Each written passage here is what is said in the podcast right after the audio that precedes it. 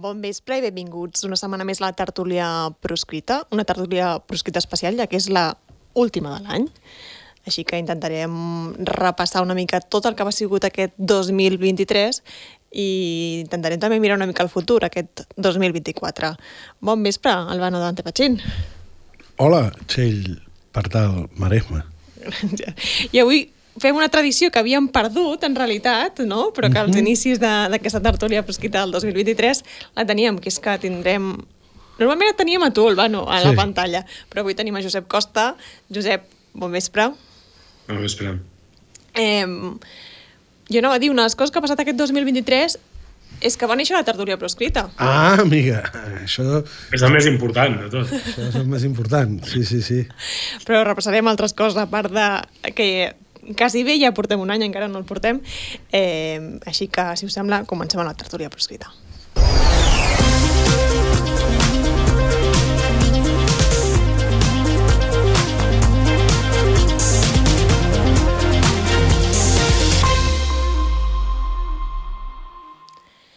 I si us sembla, comencem amb un clàssic també de la tertúlia proscrita, que és si us demanarés un titular de, del que ha sigut el 2023, cre crec que un titular és molt complicat de, de trobar, no només, diguéssim, però què és allò que creieu que cal destacar d'aquest 2023? Han passat moltes coses. Jo avui intentava triar temes i mm, hauria fet 5 hores de tertúlia proscrita, crec, en realitat.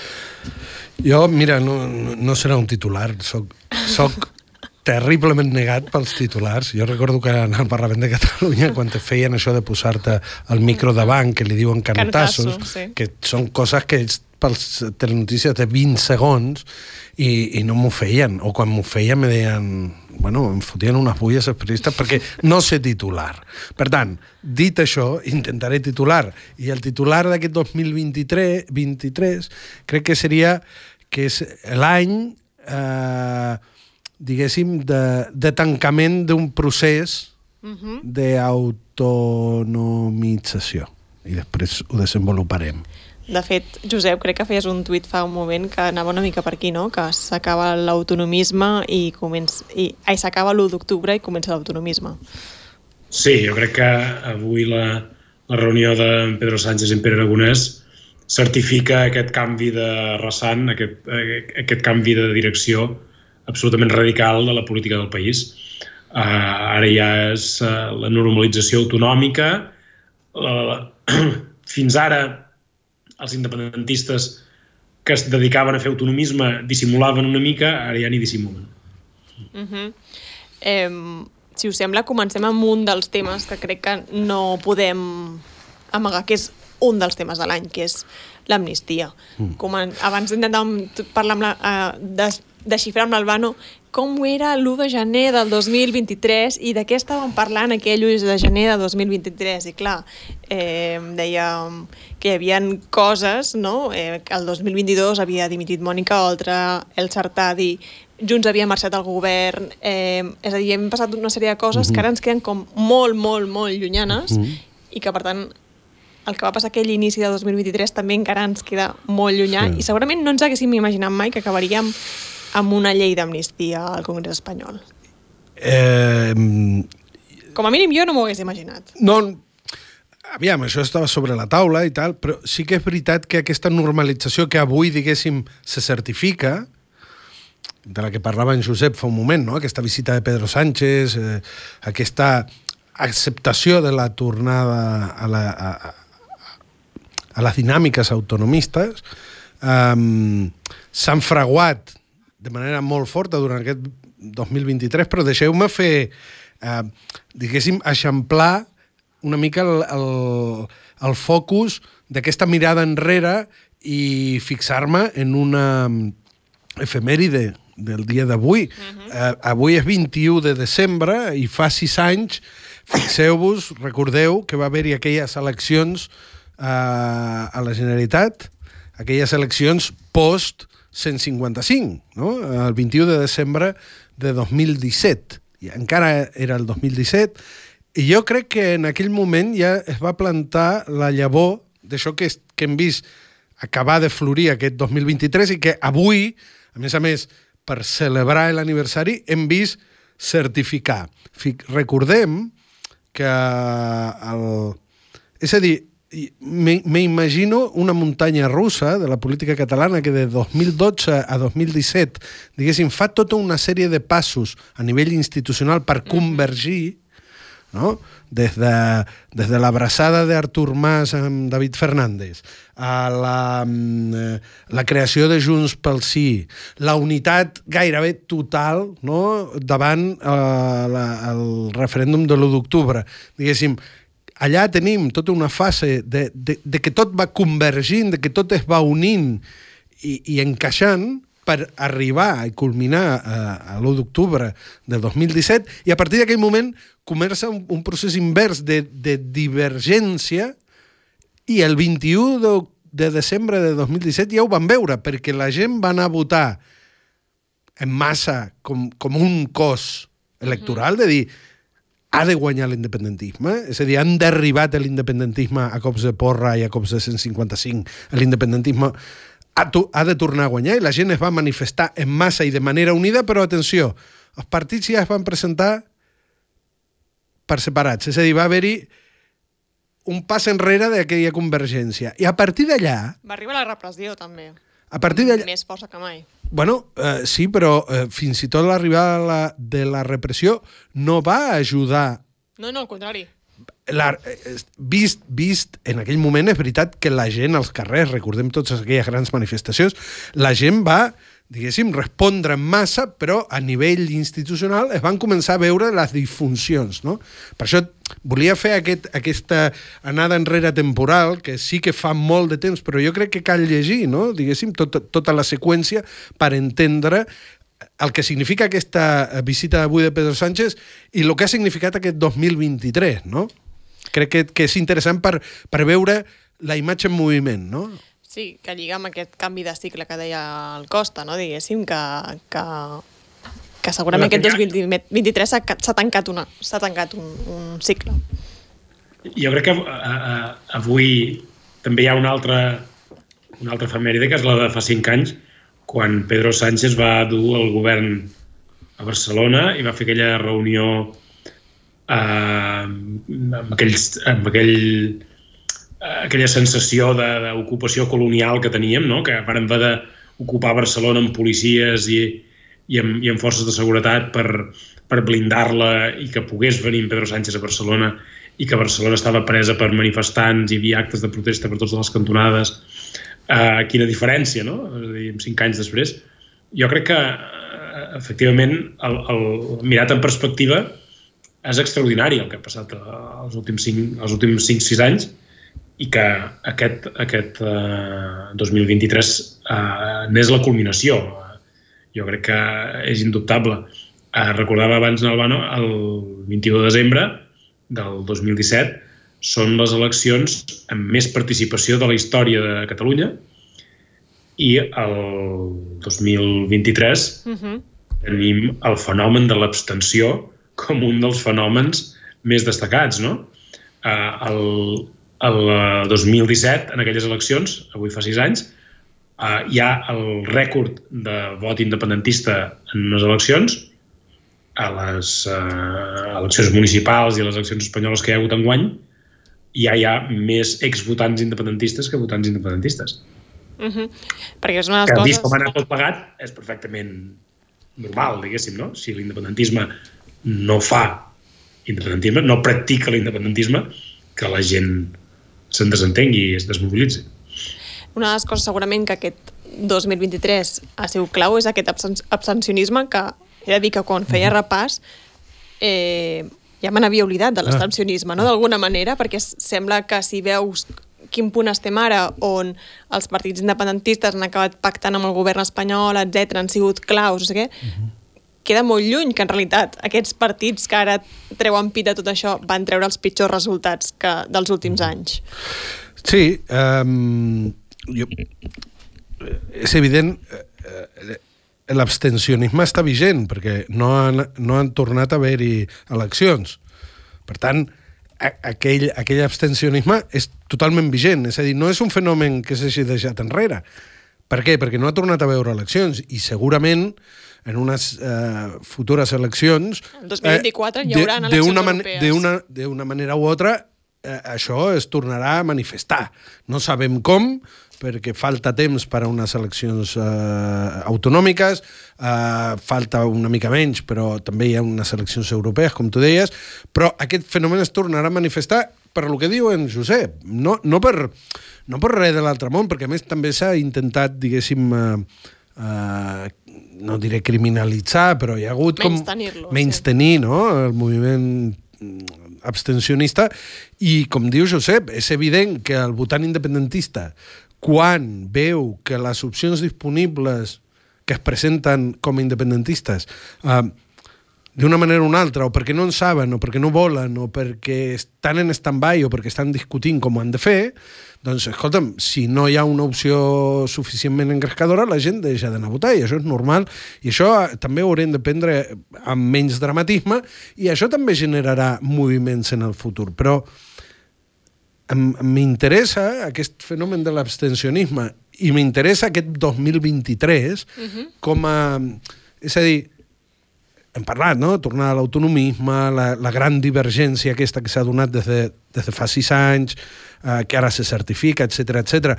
Eh, en certa manera, podria ser vist com un fenomen negatiu, com un fenomen eh, desempoderador de l'independentisme, que algú que estigui veient aquesta tertúlia digui, hòstia, el que em faltava per acabar l'any, eh, vull dir que hi ha, eh, la certificació total de l'autonomisme i tal. Jo crec, deixeu-me deixeu mirar-ho de manera positiva. És a dir, un moviment polític és fort en la mesura que és capaç de pensar, que és capaç d'analitzar correctament quina és la situació. No dic que aquí eh, tinguem l'anàlisi correcta, eh? però com a mínim intentem buscar que és a dir, eh, la situació actual ens ha de servir per canviar la situació actual i veure-la amb claretat.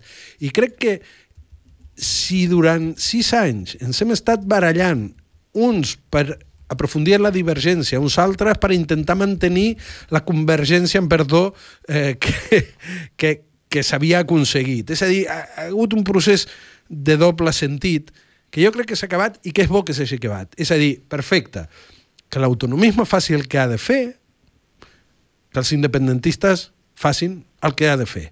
I els independentistes que facin el que ha de fer, per començar a fer-ho, el primer que cal és constatar i analitzar bé la situació. Per això crec que és important la confirmació d'aquest retorn a l'autonomisme. Per què? Perquè és la gran derrota, no? Al contrari, perquè ens ha de donar, diguéssim, una visió prou acurada per lluitar per l'independentisme. I, escolta'm, l'independentisme ja, ja, ja va lluitar amb una majoria total autonomista i amb un entorn totalment autonomista. Aquell independentisme que va lluitar en un entorn totalment autonomista és l'independentisme que ens va portar el 2017. Per tant, assumir que hem, estem davant d'un retorn a l'autonomisme no és assumir la derrota de l'independentisme. Senzillament que l'independentisme ara haurà de veure's a si mateix i plantejar estratègies eh, en base a una realitat diferent. No existeix més. Uh -huh. El que va passar l'1 d'octubre, el que va passar fins l'1 d'octubre, que va culminar l'1 d'octubre, no existeix més. No existeix més a modo operatiu. Existeix els aprenentatges, existeix a l'horitzó que van marcar, existeix l'experiència col·lectiva que està allà, que està allà, perquè ningú s'ha oblidat del que ha passat en aquest país a, a l'octubre.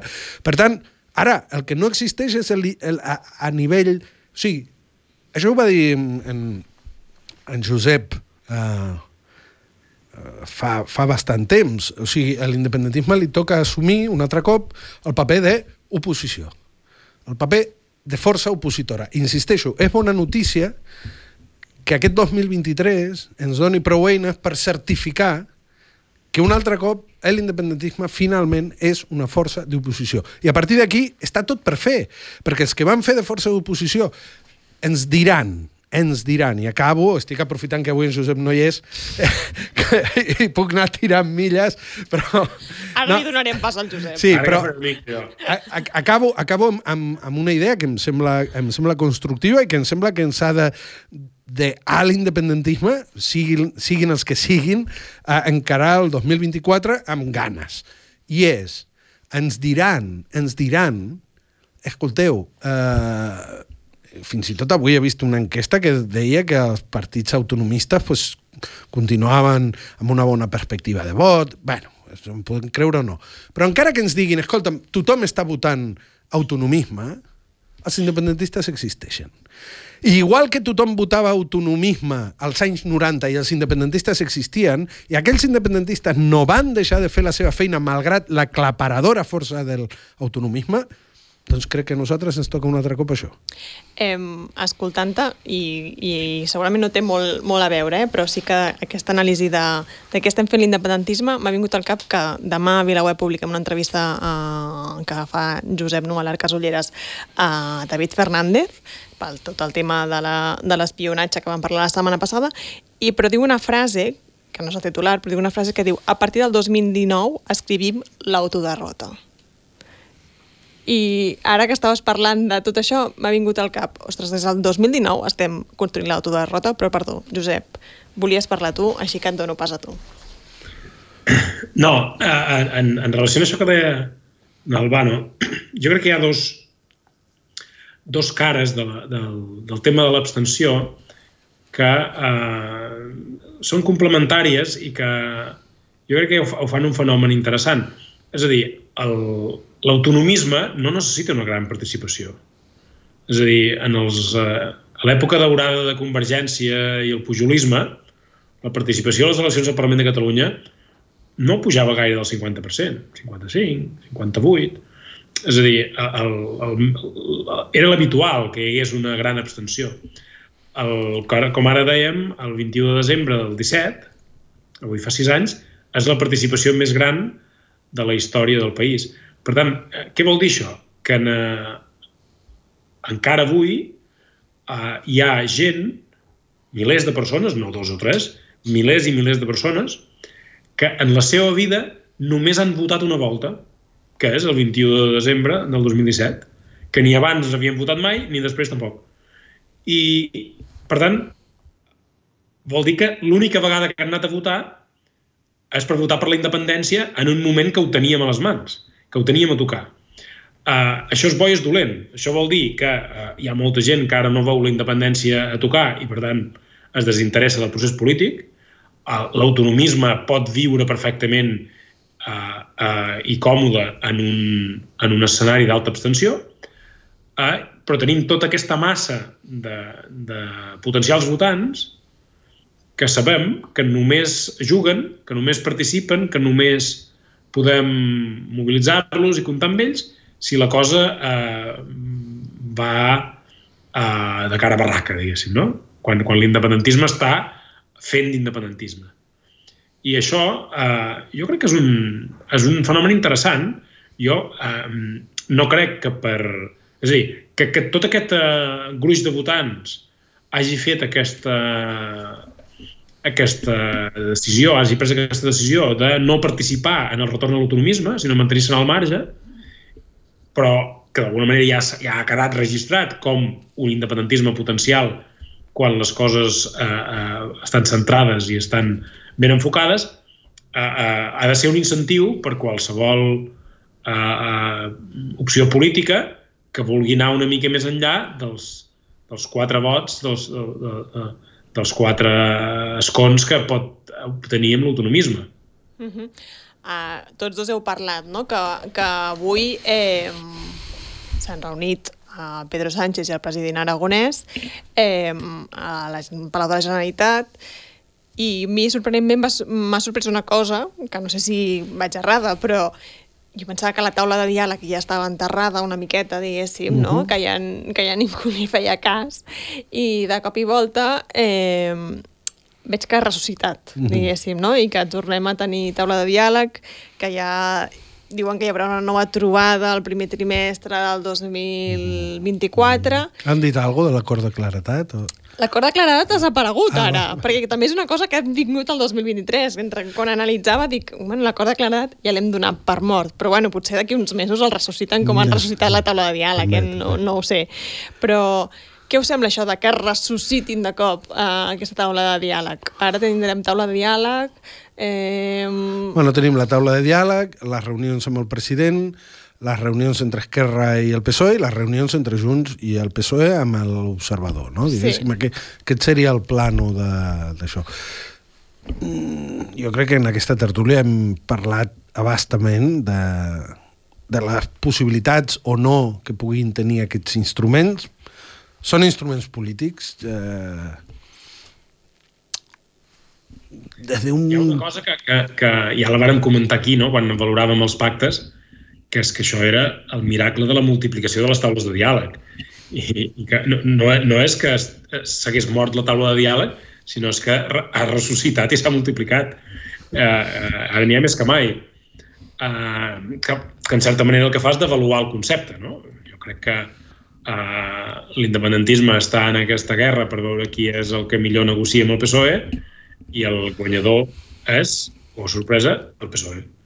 Per tant, aquí el, el, en Pedro Sánchez ve a Barcelona i es passeja com eh, eh, diguéssim, eh, si em permeteu l'expressió en castellà i amb el seu nom com a Pedro por su casa. I En realitat, en realitat Ja, l'Albano i jo el tenim aquí al costat, que no ho Està hem dit, però a- a- el podem anar saludant en a 100 qualsevol, en qualsevol moment, perquè eh, on gravem nosaltres està al costat de la seu del PSC i quan hem vingut l'Albano dic, hi ha, molta, hi ha molts helicòpters, Hi ha hi ha, moltes coses, aquí passa algo raro. Jo em vaig posar content perquè dic, a Barcelona normalment quan sona l'helicòpter vol dir que hi ha, que hi ha movida, no? Però, però bueno, no. No, no, no és que, que s'està reunint aquí amb Salvador Illa, per tant, quan sortim l'anem a buscar a veure Has provat, aviam si volia ocupar la, la cadira buida de, de Josep? si... Sembla que no li interessa gaire venir amb nosaltres. No, no? I a Catalunya Ràdio tampoc, no? Demà triat el vestir. Ah, Eh, parlant de tot això, per parlar de tot això, si us sembla, connectem un moment precisament amb el Palau de la Generalitat, eh, on hi ha Odeche Arte, allà, eh, intentant copsar tot el que ha passat en aquesta reunió no, d'avui, Odei. Nosaltres parlàvem ara de, de l'aparició de nou de la taula de diàleg, però han, han parlat d'altres coses, diguéssim, Pedro Sánchez i Pere Aragonès. Sí, la convocatòria de la taula de diàleg en aquest primer trimestre de l'any vinent és només un dels cinc acords a què en teoria han arribat els, els dos presidents. També hi ha, sembla, un acord per aprovar una llei orgànica que diuen de garantia del plurilingüisme en els propers sis mesos al Congrés espanyol, que haurem de mirar la lletra petita d'aquesta llei exactament com queda, perquè clar, el text no, no el coneixem.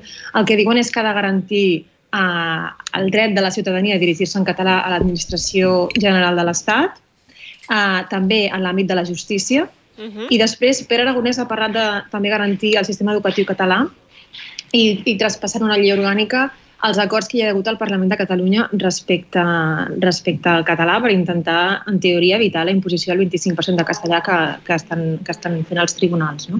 Llavors, clar, haurem de veure exactament això, això com acaba perquè el text no, no el coneixem.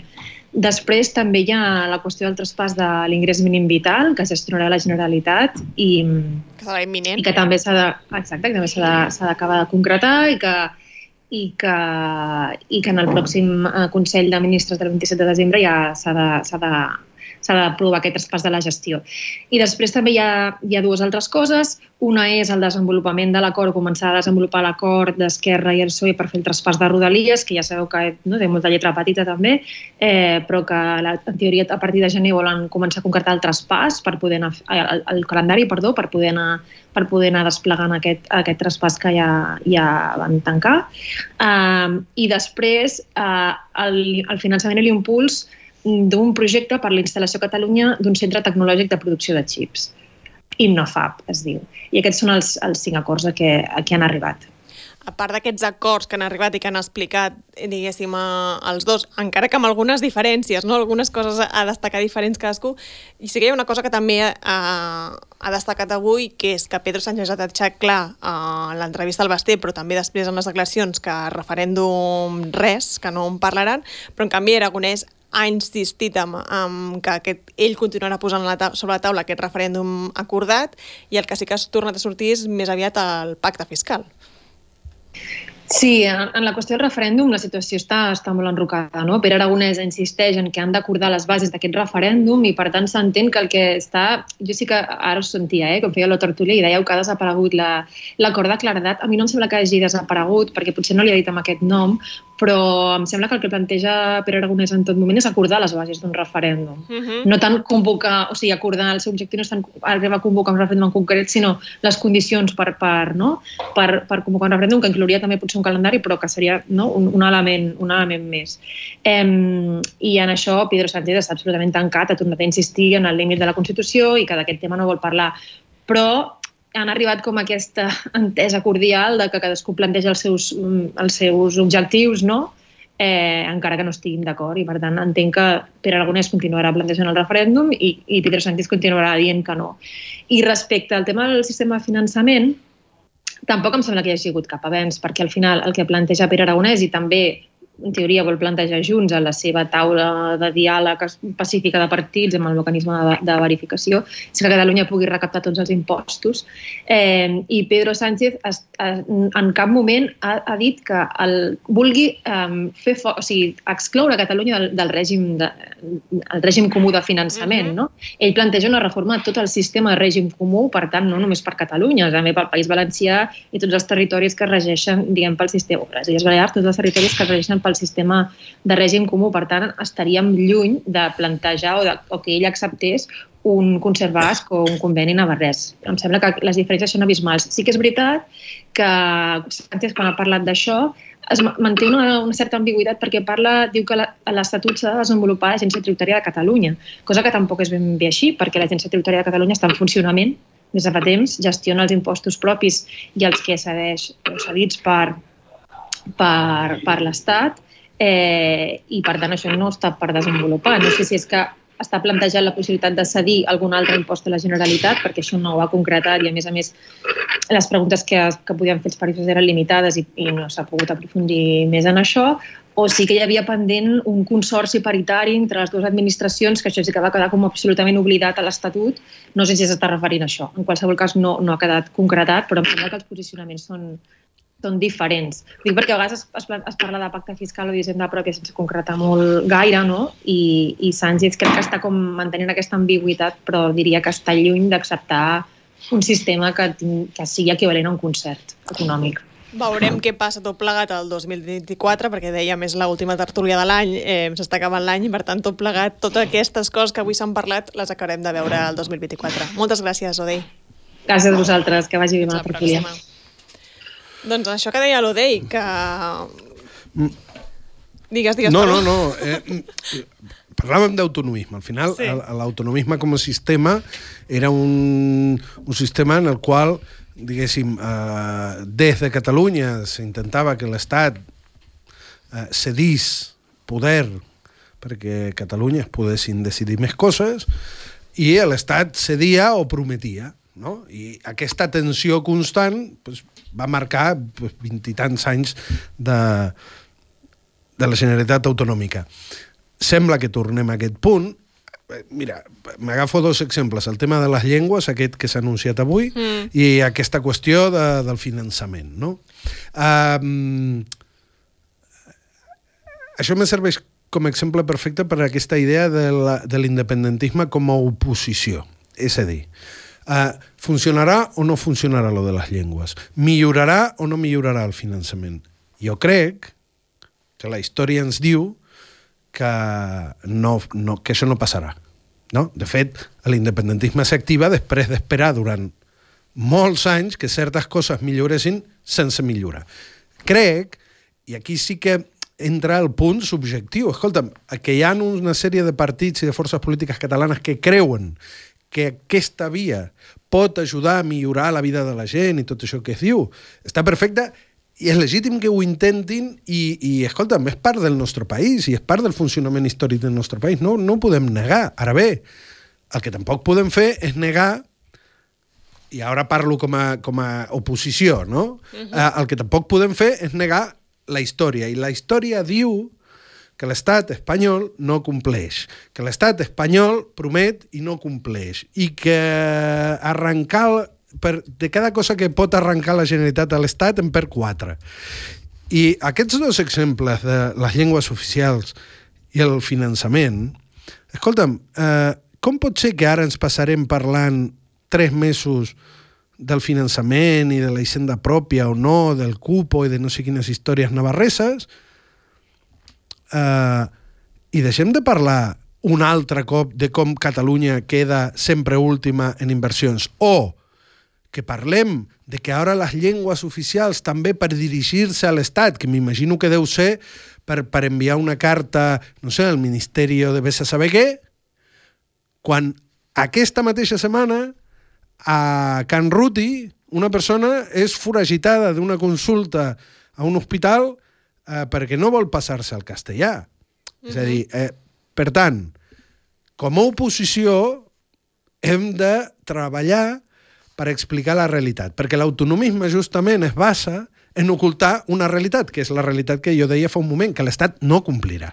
Però com que l'autonomisme, una de les seves grans capacitats, és ocultar la realitat i fer creure que el futur de Catalunya està blindat gràcies a una bona gestió i a una bona negociació amb l'Estat, doncs a l'oposició ens tocarà no eh, inventar-nos res, ens tocarà explicar i continuar explicant i explicant i explicant la realitat. I com ho farem? Pues mira, ho farem en les tertúlies, ho farà VilaWeb com pugui, ho faran els mitjans de comunicació que encara no estiguin eh, totalment capats per la publicitat de l'IBEX 35 i les subvencions de la Generalitat. És a dir, bueno, ens tocarà fer aquesta feina, ho farem des d'octubre. Per què?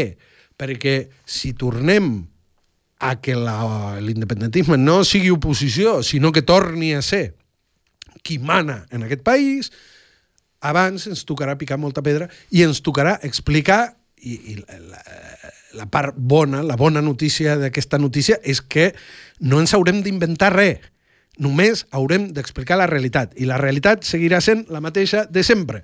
Els problemes que van portar la gent a dir prou i a treballar perquè aquest país sigui independent no només continuen existint, sinó que molts d'ells són encara més greus. Per tant, és fàcil, hem d'explicar la realitat. I per fer, és a dir, en el seu moment, aquests problemes van fer que molta gent passés a ser independentista. Uh mhm. -huh. Digués, vale, no hi ha res a fer. Recordar aquests problemes no també pot ser una opció de dir, vale, eh, els independentistes... Vull dir, perquè ara molta gent és com, ja no confio amb, amb els partits independentistes. Vale, però confi... recordar-los, mm, però confies als partits eh, a l'estat espanyol? No pot fer d'una altra vegada tornar a activar cert sector? Cert sector, vols dir? Cert sector independentista, és a dir, tornar a recordar-nos ah. que tenir un acord amb Espanya no és possible? No pot fer a tornar-nos a reactivar? Bueno, jo, jo crec que sí. Jo crec que sí, i per això la importància d'explicar... Potser aquests acords eh, i aquests intents d'acords també poden acabar sent una oportunitat, em plantejo. Ho veure, aquí... per dir alguna positiu. No? Però si tot el que... És... Perdó, perdó, perdó. Tot el que estic dient és positiu. Sí, tot, sí. des del principi de la tertúlia, Mas... perquè... No, no, si, si, la, si, si és el teu discurs qui m'ha portat a, a mi ah. el positiu, diguéssim, eh? Diguéssim que, escoltant de tu, és com... Vale, llavors, potser tot plegat em pot, ens pot acabar portant alguna de positiu, que, és, que la gent se n'adongui que, això no és, que això no és possible, que se'n recordi que pactar amb el govern espanyol no és possible. Home, el que hi ha ara en marxa és eh, una enorme oportunitat per l'autonomisme. Eh, l'autonomisme té ara eh, tota la, tot el camp eh, obert, té la porteria sense defensa, diguéssim, per marcar-nos tots els gols que vulgui.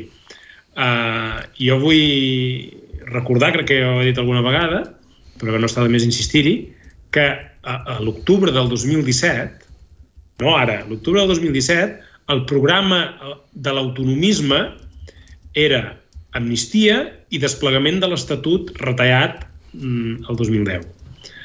Uh, eh, per tant, qui va guanyant sis anys després és evident que és l'autonomisme. I hi ha gent que ara s'ha posat molt de moda aquest discurs de que l'independentisme no sap celebrar les seves victòries. Home, a mi no m'agrada celebrar les victòries de l'autonomisme, la veritat perquè les victòries que tenim són victòries de l'autonomisme. Uh, eh, però, compte, que hi ha molta gent en aquest país que es va fer independentisme perquè va decidir o va constatar que l'autonomisme havia fracassat. Però que si li demostren que l'autonomisme funciona, uh, potser ho compren. Uh, però tot el que ha passat aquest 2003, que se'ns ha venut fins a cert punt, o que se'ns venen com a victòries de l'independentisme, eh, són victòries del programa autonomista que es va desplegar el 2017. Amnistia i retorn a l'Estatut del 2006, eh, per desplegar allò que s'havia retallat. Fins i tot el català a la Unió Europea és desplegar l'Estatut del 2006. Eh, introduir el català a les institucions espanyoles, això no té res a veure amb l'independentisme. Això té a veure amb l'Espanya plurinacional, que és el camí contrari de la independència.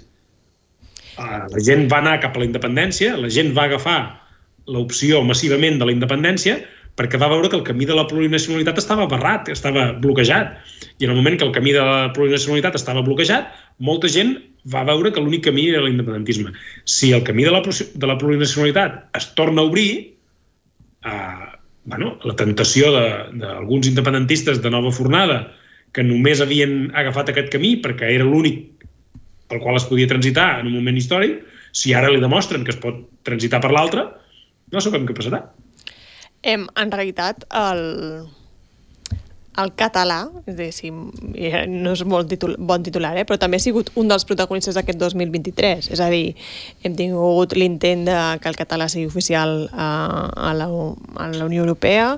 Hem, ara el català es pot parlar al Congrés espanyol, però bueno, avui hem tingut una polèmica perquè es pot parlar al Congrés però no es pot parlar eh, en les sessions, ara no em sortirà el nom, però diguéssim en els, les comissions. les comissions, no? Per tant, és una cosa una mica limitada. Eh, no es pot parlar gran part del sistema sanitari. No es pot parlar gran correcte, continua havent dit constantment, plataforma continua denunciant constantment eh, situacions de, de discriminació lingüística amb el català, Eh, aquesta setmana hem tingut la vinguda, ha vingut a, a Catalunya eh, eurodiputats a veure en quina situació era el català a les escoles i, sincerament, tot el que s'ha vist de, que han fet aquesta gent eh, és una mica demencial, diguéssim, aquesta visita. És a dir, que en realitat s'està venint com que estem millorant el català, però mm, no és real no? d'alguna manera. Aquestes millores no, no, no tenen cap reflex al dia a dia del, dels ciutadans. Eh, Clar, el català, eh, perdó, el, el, el català és una d'aquestes coses transversals que, defen, que, que defensar-lo eh, no et fa independentista. Jo crec que, com que pràcticament tot el catalanisme s'ha passat a l'independentisme en els últims 10 anys, eh, podria semblar, i com que l'unionisme d'alguna manera ha fet bandera del castellà, l'ha introduït al Parlament, l'ha introduït en el discurs públic amb una presència que no tenia històricament, algú podria pensar que lluitar pel català és lluitar per la independència, però en realitat lluitar pel català és lluitar per la identitat nacional, per la, per la continuïtat, diguéssim, històrica del, del, de la Catalunya-nació, però l'autonomisme de tota la vida defensava el català eh, com a punt primer del seu programa, bàsicament. Eh, fins a cert punt que el català torni a estar del de tot de l'agenda política entre les prioritats del catalanisme és una prova més o és un element més que eh, certifica que la independència deixa d'estar dalt de tot. Perquè quan la independència estava dalt de tot del panorama polític, el català eh, anaven al PAC, però no estàvem discutint sobre el català tot el temps. Potser d'aquí plora la criatura, també, eh? que s'han descuidat moltes coses a nivell del dia a dia i, i, i la, com que s'ha baixat la guàrdia amb el català durant eh, els bons anys de l'independentisme, ara està com està. Però que jo quan vaig veure eh, que mm, des del govern, des dels partits que pacten governs a Madrid, etc etc, es tornava a prioritzar eh, tot el tema del català, de parlar de la situació de la llengua, etc etc. Eh, jo em vaig posar la mà a la cartera una mica, perquè eh, uh, això va aparèixer, jo, jo ho tinc, molt, ho tinc perfectament gravat, jo me'n record perfectament tot això. Uh, el tema de la situació de la llengua i de la defensa de la llengua va tornar a estar a la portada dels diaris i a la portada de les telenotícies quan en Rufián estava negociant la quota de català al Netflix. Mm -hmm. uh, i jo no puc dissociar les dues coses. Eh, I, per tant, també eh, siguem conscients de, de, del marc mental o del marc polític en el que passen les coses. El, que el català eh, estigui en el, en el centre del debat mm, no és bon i dolent per l'independentisme. És, eh, eh, part d'una... La defensa del català és part d'un programa que va més enllà de l'independentisme. Veia que l'Albano feia així uns moviments al cap. Fe, feia uns moviments al cap perquè, o sigui, sí que és veritat, sí que és veritat, jo me'n recordo també quan en Rufián negociava el Netflix, recordo que Val, Valtònic va, va, va fer un tuit, no?, que deia, sí, jo he anat al, a l'exili per, per tenir Netflix en català, no?, que, uh -huh. que fa un temps, fins i tot hi havia una part de... Estic d'acord amb que eh, la recuperació del català com a bandera i tal pot en algun, d'alguna manera significar o, o ser una prova de que eh, l'independentisme com a tal eh, ha deixat de posar l'accent en l'independentisme. Ara bé, eh, si gratem una mica, veiem que de la mateixa manera que sempre que algú es posa la boca a la defensa d'algun tema, però no s'ho creu, només cal gratar una mica i queda a la vista, aquesta defensa, si aquesta defensa fos real, si aquest compromís amb la llengua fos de veritat, amb el país i tal, com a mínim diries, bueno, no tenim la independència, però hi ha un compromís real. Jo insisteixo en lo de Can Ruti o en lo de tantes altres vulneracions de drets lingüístics en el qual el govern de la Generalitat i els, eh, el partit que governa la Generalitat es posa de perfil d'una manera que si no fos per la feina de la gent que denuncia les agressions lingüístiques, si no fos per la feina dels ciutadans que ho denuncien i que ho pateixen, a Twitter, a les xarxes socials, que fan vídeos, a la gent de Plataforma per la Llengua que, que explica els casos eh, que no només vol ocultar l'espanyolisme, que aquest autonomisme que fuig del conflicte com de l'aigua calenta, eh, agafa una bandera de la defensa del català, una bandera molt light, una bandera eh, mm, decorativa gairebé. Per què? Perquè la bandera de defensa del català, si de veritat te la creus, és generadora de conflicte. Per què? Perquè el conflicte hi és perquè la vulneració de drets lingüístics dels catalanoparlants és una realitat constant, una d'aquestes realitats que jo dic que s'havia d'explicar.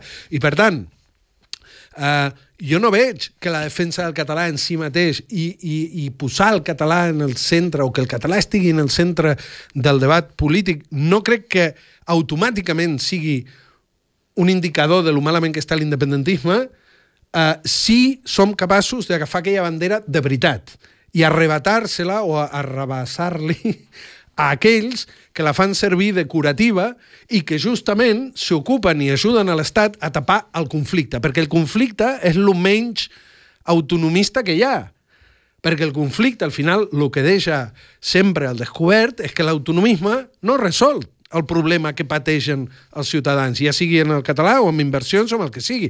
Perquè ara escoltarem que si mira com hem avançat en el trasllat, al 2024 els trens de Rodalies seguiran funcionant com el cul i el sistema de finançament seguirà eh, fent que el sistema sanitari continuï eh, eh, ofegant les infermeres, els metges i, i, la, i les netejadores de l'hospital. Això és...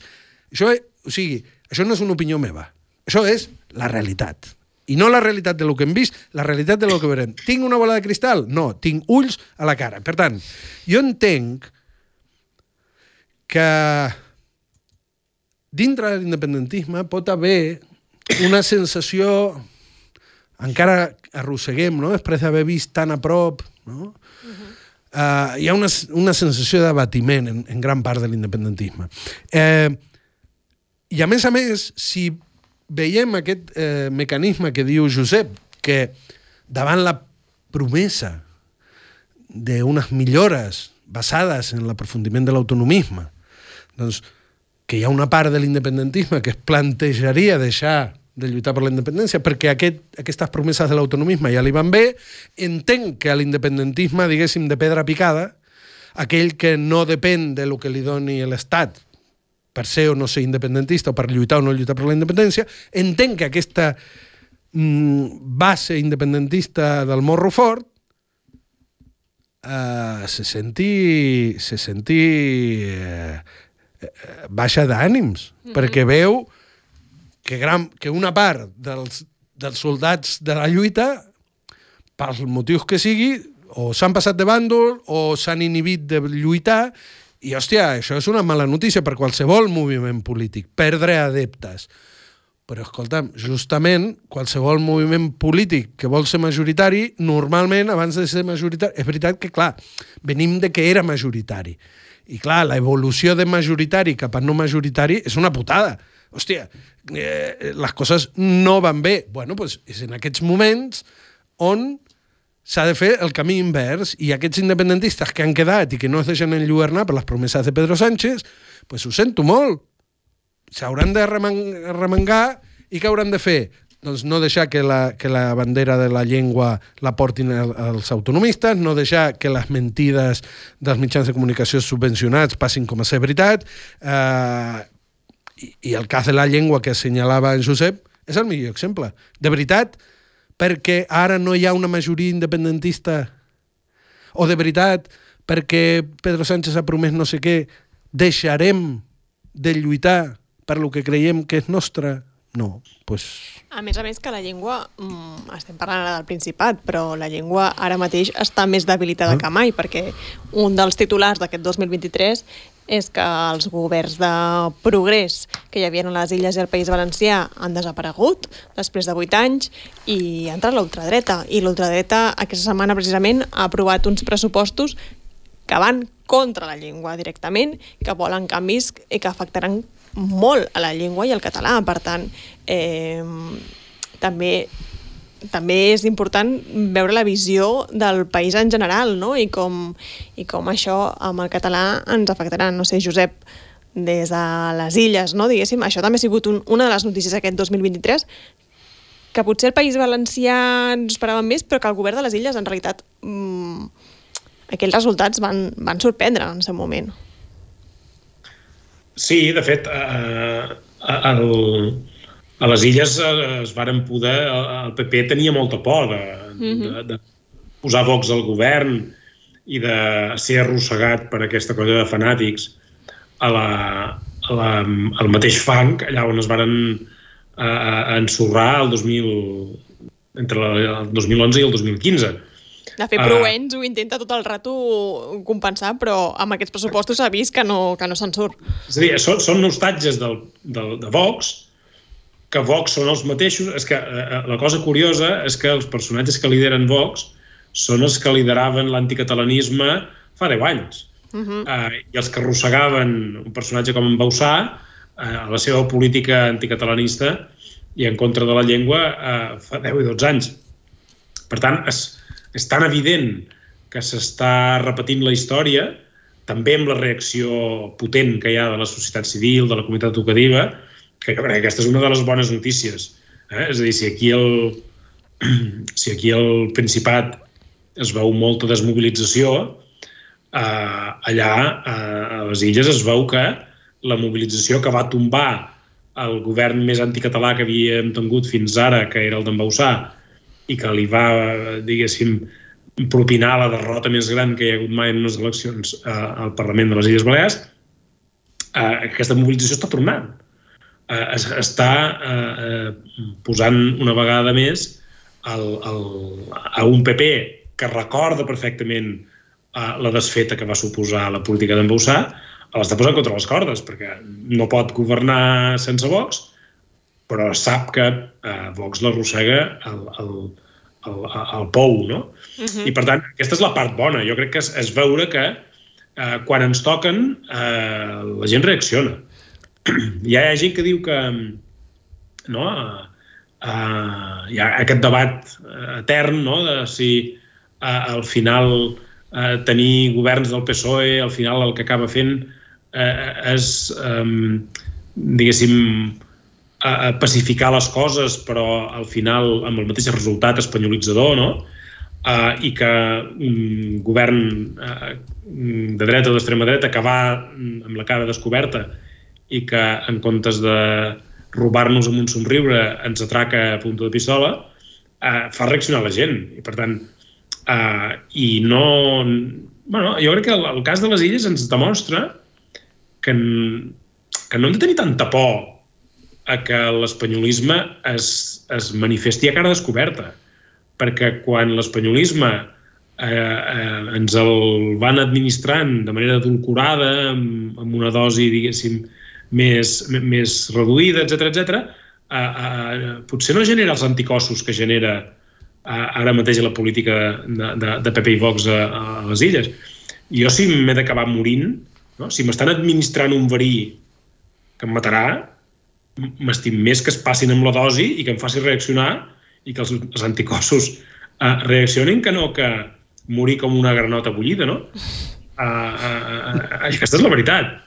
El, i, i jo crec que la bona notícia, si, si, si m'ho demaneu per tornar a insistir, la bona notícia pel país la tenim ara amb la reacció que hi ha a les illes en contra del, de la política lingüística de, del nou govern.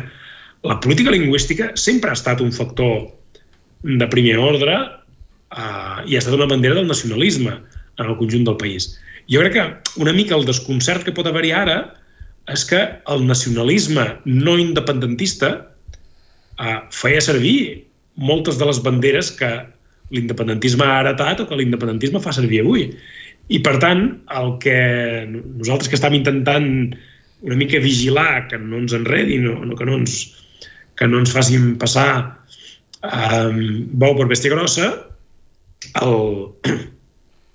hem de veure que hi ha determinades causes, que hi ha determinats relats, que hi ha determinats discursos, que si l'independentisme els assumeix, està molt bé, perquè enfortir la nació, enfortir la llengua, enfortir el país, sempre és bo.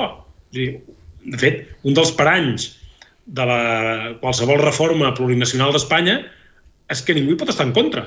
És a dir, un nacionalista no pot estar en contra de que es reconegui més la llengua a Espanya, que es dongui uh, més autonomia a Catalunya, tot i que sabem, si som independentistes, que això el que farà serà uh, uh, d'alguna manera desmobilitzar i, i, i normalitzar l'autonomisme, però és que no podem estar en contra de res que vagi a favor del país, perquè al final, si volem la independència, és per, perquè és el que li convé al país, és per tenir les eines per defensar un país, per defensar una llengua, per protegir una identitat, etc etc. Per tant, eh, eh, hem d'anar molt en compte amb això, que hi ha coses que objectivament són bones pel país, que objectivament són bones per, per, la, per la identitat, per la cultura, eh, eh, per l'autodeterminació de, del país, però que no tenen res a veure amb l'independentisme o que són contraproduents o contràries pels interessos dels independentistes. I, i, i això ho hem de saber gestionar, que no ens enredin, és a dir, hi ha coses que són bones pel país, però no necessàriament són bones per l'independentisme. L'Alba em demanava una cosa i curteta, que, que vull fer una última punt. Només vull dir, abans d'acomiadar aquest any tertulià, eh, que jo estic convençut i que està a les nostres mans, no és un desig eh, eteri, sinó que està a les nostres mans que el 2024 sigui l'any de la reconstrucció. I l'any de la reconstrucció no estic parlant de guanyar no sé quines eleccions o de veure què fa no sé quin partit. És l'any de la reconstrucció de, de la gent que vam fer l'1 d'octubre i que encara hi som amb les nostres diferències i amb els nostres... però que ens hem de reconstruir. I crec que després d'aquests sis anys, dels quals avui eh, celebrem una efemèride, mm. doncs el 2024 estic segur que serà l'any de la reconstrucció i per, perquè així sigui treballarem. Eh, això us anava a preguntar aquests últims 4 minuts que ens queden. Què espereu d'aquest 2024? Pues jo ja se m'ha adelantat i ja ho ha dit, però Josep Costa, què esperes d'aquest 2024? Uh, evident, uh, una cosa és l'esperança, diguéssim, des del punt de vista del que m'agradaria i l'altra és l'esperança des del punt de vista de les prediccions. No sé uh -huh. quina de les dues coses. Bueno, uh, jo, jo, les prediccions, el desig crec que més o menys el sabem tots, però les prediccions... Jo crec que els desitjos, diguéssim, són, són bastant evidents. Um, les prediccions, jo crec que és un any una mica de transició, eh? és a dir, uh, perquè bàsicament, des del punt de vista polític, eh, seguim tots una mica hipotecats eh, el, el, el que passi com a resultat dels pactes de eh, d'investidura, la negociació de l'amnistia, la tramitació de l'amnistia, etc etc. I políticament, eh, avui pensava, i jo tinc la sensació que fins a les eleccions europees no sabrem res, no es clarificarà res. no? i les eleccions europees que són el mes de juny, vol dir que mig any seran eh, eh, mm, eh, part de l'onada expansiva del 2023. Eh? És a dir, jo crec que totes, tots els moviments eh, sísmics i eh, eh, l'onada expansiva de tot el que ha passat el 2023 s'allarga fins a les eleccions europees del juny del 2024. Jo crec que la segona, la segona meitat del 2024 tot s'haurà clarificat molt, tot estarà eh, d'alguna manera eh, tindrem totes les, eh, les peces, tota la informació damunt la taula i eh, eh, jo crec que ens podem plantejar, com diu, com diu Albano, eh, per exemple, de cara a la Diada, de cara a l'11 de setembre, eh, plantejar-nos a veure si som capaços justament d'això, de demostrar que eh, comença una nova fase, que comença eh, una nova estratègia, eh, evidentment encara no majoritària, però que té la capacitat de d'assumir el lideratge i de marcar l'agenda. Perquè ara el, el problema que tenim és que eh, el relat l'està guanyant l'autonomisme. I, i, I el problema és que molts no ho veuen perquè eh, és autonomisme disfressat d'independentisme. No? Avui en Pere Aragonès eh, deia que ell eh, no, reivindicava totes les eh, victòries autonomistes que exhibia avui, les eh, eh reivindicava com a president independentista. Dir, sí, d'acord, eh, vostè eh, diu que és independentista, però tot el que ha posat avui damunt la taula és autonomisme del bo. Eh, eh, per tant, desenmascarar això també és una part de tot el que ha de passar. Però jo, jo crec que sí que a la primera meitat de l'any eh, jo crec que eh, ja acaben de caure totes les caretes, que tots els relats, tota la propaganda, tot plegat ja eh, durarà mig any més, durarà fins al juny i a partir de la segona meitat del 2024 eh, ja tindrem tots els elements per entrar en una nova fase. Doncs el Josep ha fet la predicció, l'Albano ha fet un desig, jo afegeixo un desig. No, no, no, jo també he fet una predicció. Jo afegeixo un desig, que és que el 2024 ens, ens continuem veient aquí a la tertúlia proscrita, donar-vos les gràcies per aquest 2023, per haver-vos apuntat a aquesta cita cada dijous amb nosaltres, que sou molts, així que moltíssimes gràcies per aquest 2023 i ens veiem el 2024. Bravo!